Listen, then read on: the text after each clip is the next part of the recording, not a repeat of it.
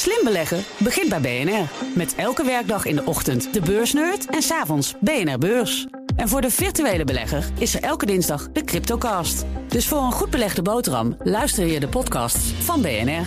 Blijf scherp. Kijk, we hebben heel, eh, we hebben Willem-Jan van Andel en ik hebben heel sterk altijd de notie gehad: wij zijn hier voor die polishouders. En het is, wij moeten ons uiterste best doen om het voor die polishouders zo goed mogelijk te regelen. Want het feit dat je al gekort wordt op je pensioen eh, of op je, je, je aanspraak is natuurlijk al een hele heftige boodschap. En hoe kan je dat zo goed mogelijk doen onder die omstandigheden is om duidelijk te communiceren.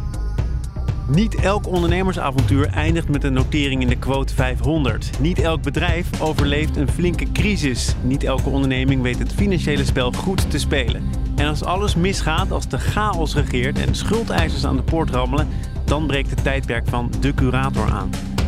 In deze serie praten mijn collega Elisa Hermanides en ik, Thomas van Zel, over onvergetelijke faillissementen met de puinruimers van het bedrijfsleven. Dit is Onder Curatoren. En Elisa, vandaag gaat het over verzekeraar Conservatrix. Dat was niet zomaar een doorsnee verzekeraar. Nee, zeker niet. Um, tot 2017 was het in de handen van de familie Henny. En dat was niet zomaar een familie. Uh, de broers Henny, uh, welgesteld, pleegden namelijk toen ze nog pubers waren een moord. Ja, echt waar. Oh, we worden hun... een crime podcast nu. ja, nou ja, dat zou ik ook altijd denken. Dat, die moord pleegden ze ook in hun ouderlijk huis. Dat was Huizen Kanton in Baarn. Een, een villa met een uh, koninklijke geschiedenis zelfs. de broers zaten hun straf uit. Uh, en konden daarna eigenlijk gewoon aan de slag in het familiebedrijf. Dat was dus Conservatrix, de verzekeraar. En dat was tot 2017 ook gevestigd in diezelfde villa.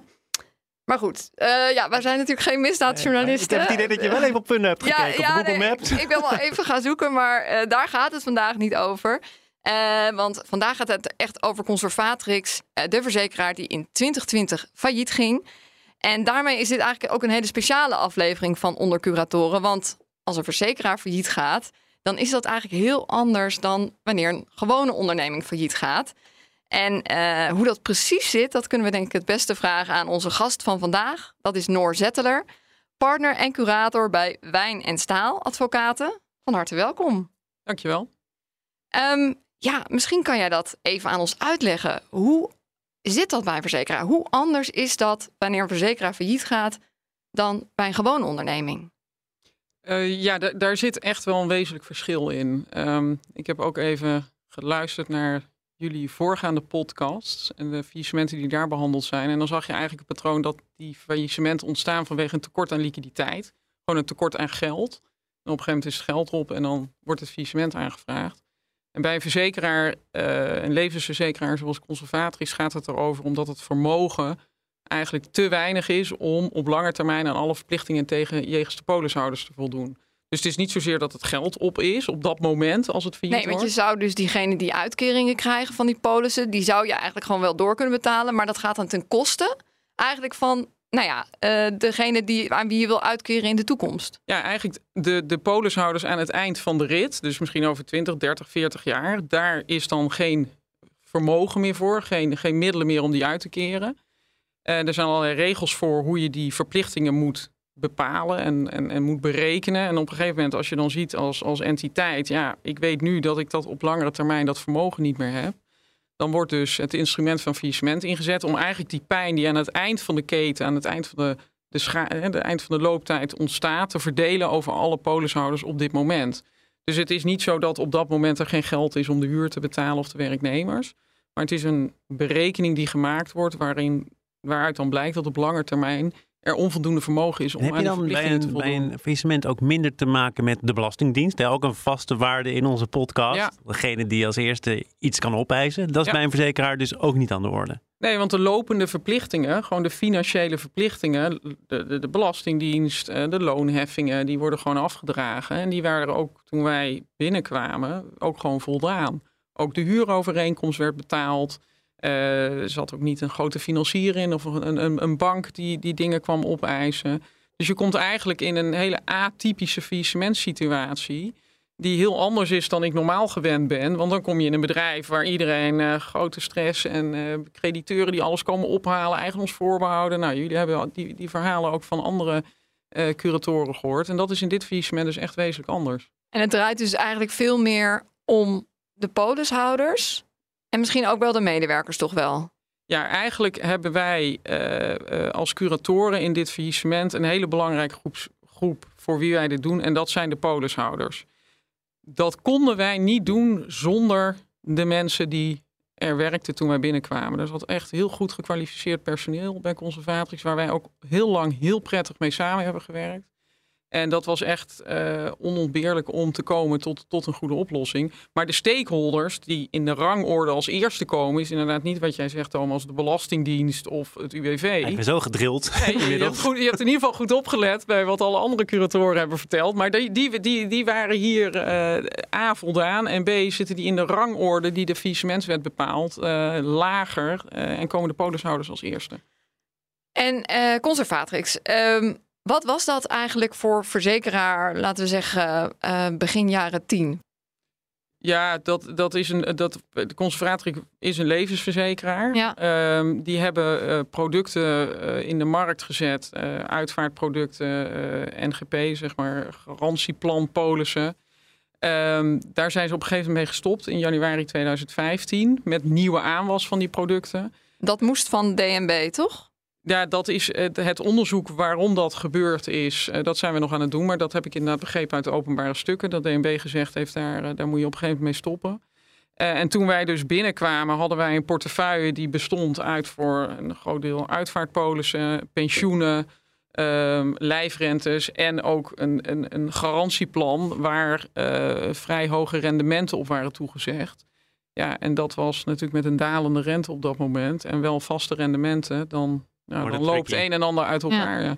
We komen straks bij dat moment van uh, dat faillissement. Maar als we even mhm. terugkijken, inderdaad, op, op basis van openbare bronnen, uh, ook stukken in de media, dan zie je eigenlijk dat uh, ja, begin jaren tien er steeds een soort discussie ontstaat tussen de Nederlandse bank als toezichthouder en Conservatrix over eigenlijk de solvabiliteit, hoe het eigenlijk financieel gaat. Uh, nou, een discussie ook over een hypotheekportefeuille. Daar hoeven we niet helemaal in te duiken. Maar in 2014 komt er dan ook moment dat de broers uh, Henny ook overwegen om Conservatrix te verkopen aan een partij die ook later terugkomt. En dat is Eli Global. Um, die komen later terug in het verhaal. Wat voor partij was dat? Een, een Amerikaanse partij die interesse had om Conservatrix uh, over te nemen. En dat is uiteindelijk, uh, dat blijkt uit het rapport van de evaluatiecommissie, die in opdracht van het ministerie ook onderzoek heeft gedaan, is dat toen in 2015 heeft, dat, heeft die overeenkomst uh, niet plaatsgevonden, is dat niet gelukt. En die heeft zich in een later stadium in 2017 weer gemeld. Ja, want in 2017, toen kwam eigenlijk de volgende stap in dit verhaal. Hè. Toen heeft DNB gezegd van, uh, nou, we vinden niet dat dit eigenlijk nog in handen mag blijven van die familie Henny. Dus we gaan onteigenen. En toen eh, eh, hebben ze het verkocht voor uh, eh, 1 euro aan Eli Global. En daar zat een speciale man achter. Kun je daar iets over vertellen, wat jij begrepen hebt over die man? Want je bent nu nog ook wel met hem bezig. Ja, ik denk wel dat het goed is dat, dat, dat de DNB is daar gebonden gewoon aan toezichtregels van waar moet een verzekeraar aan voldoen, aan welke ratio's. En dat is natuurlijk ter bescherming van die polishouders, dat gezorgd wordt dat er aan allerlei solvabiliteitsratio's wordt voldaan. Om te zorgen, wat ik net uitlegde, dat die polishouders aan het eind van de rit, de jonge polishouders over 30, 40 jaar ook nog betaald kunnen worden. Onteigening is een absolute zeldzaamheid, toch? Dat komt niet vaak voor. En dat is uiteindelijk loopt het ook via een gerechtelijke procedure. Het is uh, de DNB toetst dat en heeft op een gegeven moment besloten: dit is een, een middel wat moet worden ingezet. Uh, en DNB heeft uh, toen is inderdaad de keuze gemaakt om met meneer of met Eli Global in, in de zee te gaan. Ja, mm, ja klopt. Waar meneer Greg Lindbergh achter zat, ja, Amerikaans figuur. Ja. Die Greg Lindbergh, uh, die bleek uiteindelijk uh, in de Verenigde Staten werd hij schuldig bevonden aan oplichting en omkoping. En eigenlijk luidde dat, uh, maar dat is misschien mijn analyse, ook het einde in van conservatrix of de aanloop naar het faillissement. Hoe zie jij dat? Nou, de, de, de vraag waardoor het faillissement veroorzaakt is, dat is een vraag die wij nog in onderzoek hebben.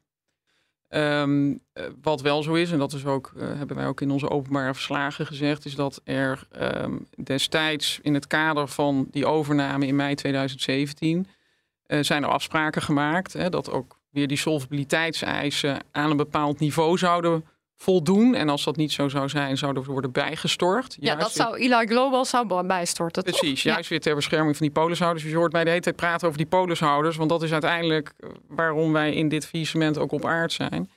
En dat is toen niet gebeurd. En toen heeft Conservatrix, die procedure liep al voor het faillissement, een, uh, een arbitrage aanhanger gemaakt om hem uh, ertoe te bewegen dat die, aan die bijstortingsverplichting te voldoen. Ja. Dat heeft hij niet gedaan. Toen is er een uitspraak gekomen dat hij dat wel moest doen onder straffen of onder het opleggen van een dwangsom van, uh, van 150 miljoen. Um, nou, en daar zijn allerlei procedurele verwikkelingen weer nagekomen om, eh, ten tijde van, uh, van onze betrokkenheid erbij over uh, een procedure. Maar waren de, de voorwaarden waaronder die overname plaatsvond voor die symbolische 1 euro, waren die te zacht? En dan stel jij de vraag die, waarvan ik net zei dat ik die nu op dit moment niet kan beantwoorden. Want dat is een vraag naar de oorzaak van het faillissement. En wij hebben dat in onderzoek.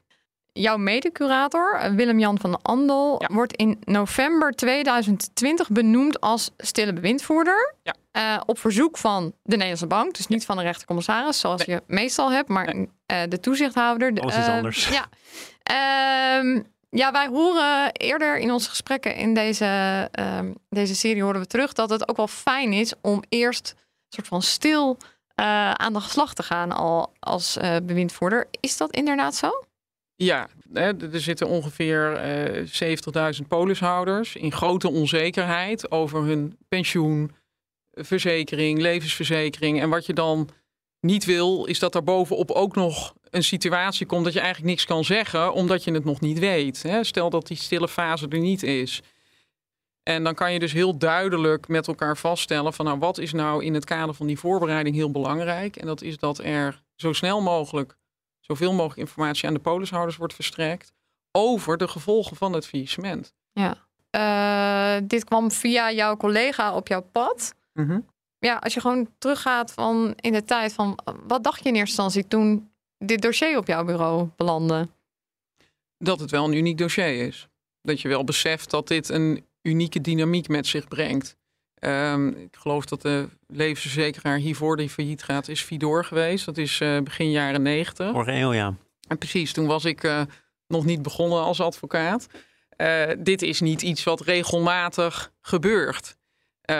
en dan heb je ook wel heel snel in de gaten de impact die dat heeft voor die polishouders en voor de mensen om, die daar zitten. Het ging om 71.000 levensverzekeringen, heb ik begrepen, en een verplichting van ongeveer 800 miljoen ja. euro. Ja. Laat je dat dan ook even, als je dat eenmaal weet, hè, want je moet eerst die informatie verzamelen, ja. is dat dan ook dat je denkt, oh ja, uh, dit is nu mijn verantwoordelijkheid en ik moet dit voor die polishouders vooral tot een goed einde brengen? Ja, het is wel dat je, dat je, je beseft wel Kijk, we hebben heel, uh, Willem-Jan van Andel en ik hebben heel sterk altijd de notie gehad. Wij zijn hier voor die polishouders. En het is, wij moeten ons uiterste best doen om het voor die polishouders zo goed mogelijk te regelen. Want het feit dat je al gekort wordt op je pensioen of op je, je, je aanspraak is natuurlijk al een hele heftige boodschap. En hoe kan je dat zo goed mogelijk doen onder die omstandigheden is om duidelijk te communiceren. Want om het tastbaar te maken, het kan ja. dus gewoon betekenen dat uh, de uitvaart van uh, jouzelf of een familielid van jou misschien soberder moet, toch?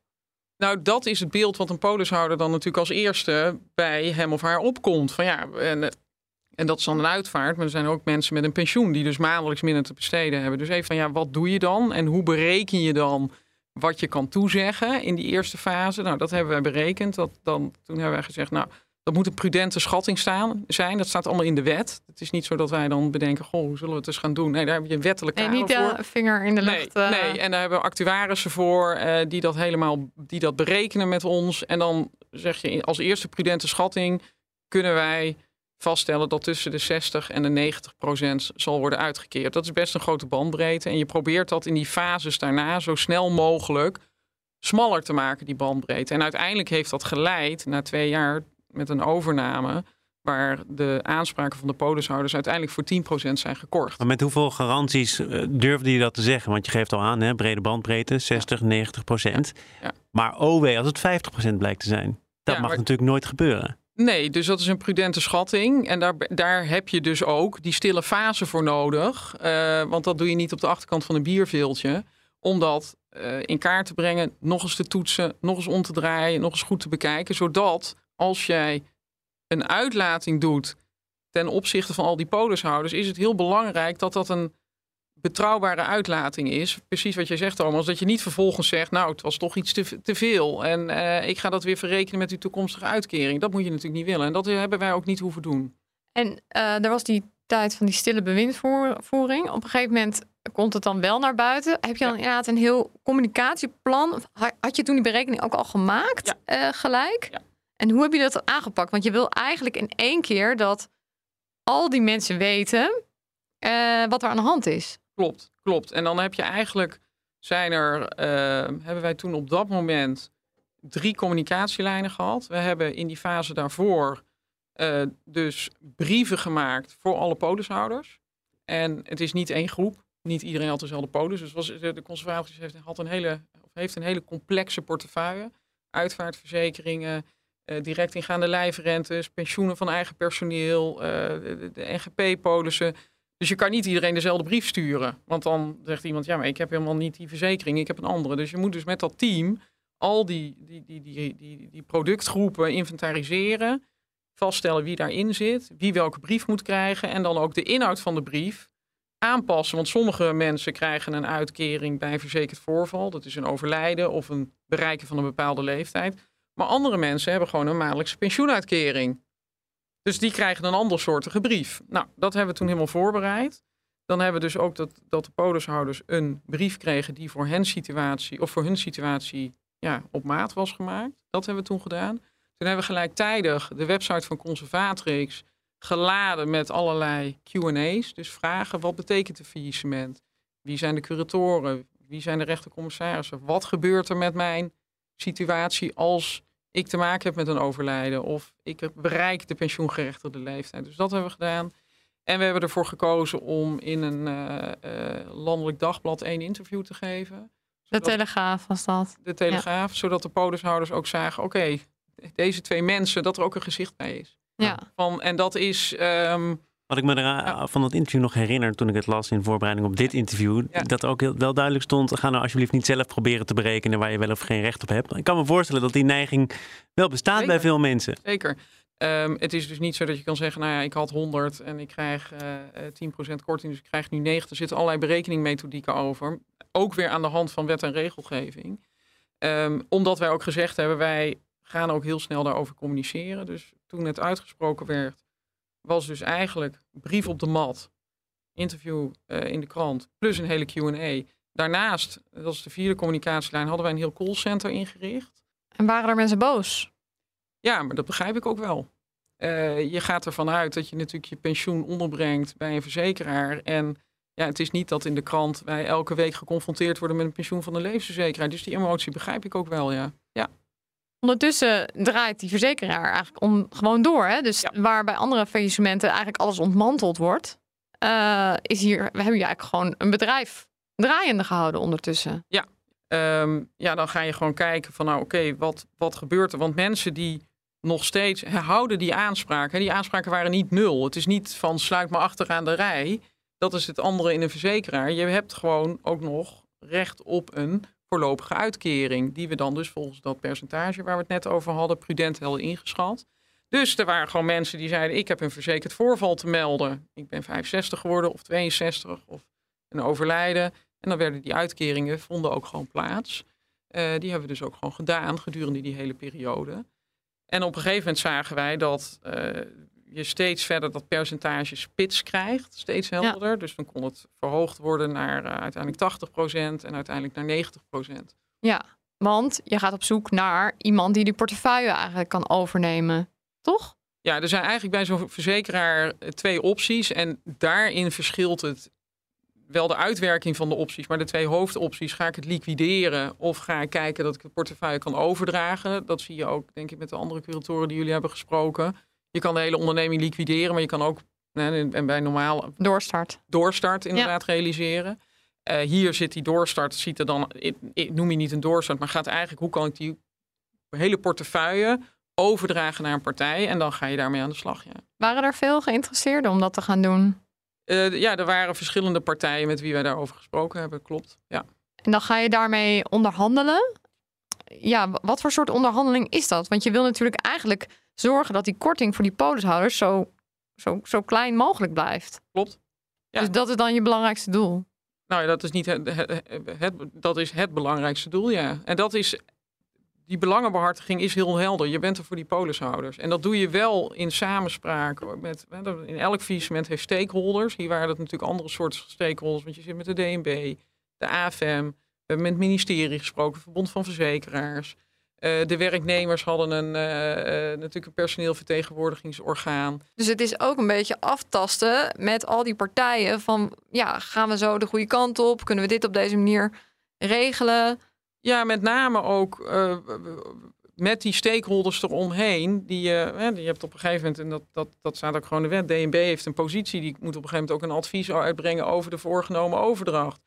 Die wordt ook gehoord bij, de, bij de procedure bij de rechtbank.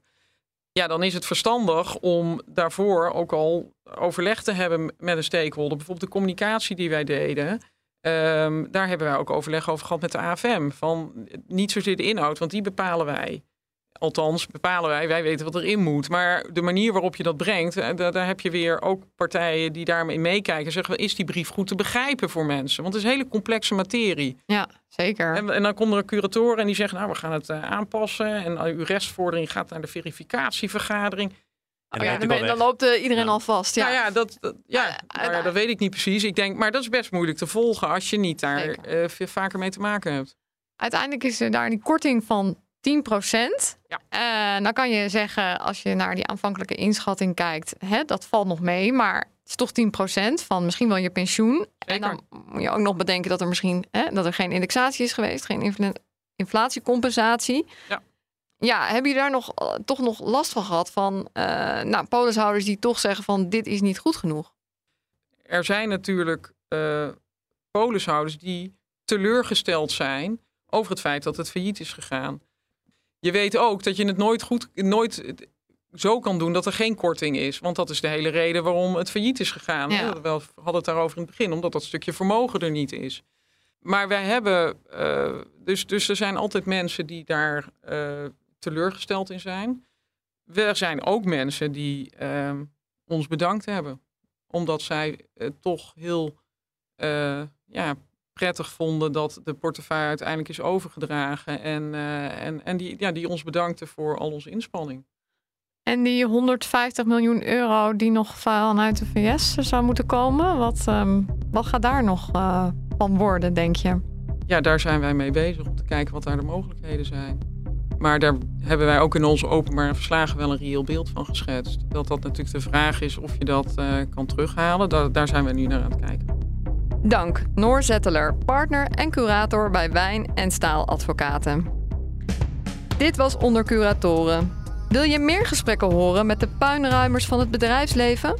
Abonneer je dan via jouw eigen podcastkanaal of via de app van BNR. Luister vooral ook de vorige aflevering over het faillissement van Neckerman, het postorderbedrijf waarvan de faillissementsdatum eigenlijk al met potlood in de agenda stond. Dankjewel voor het luisteren.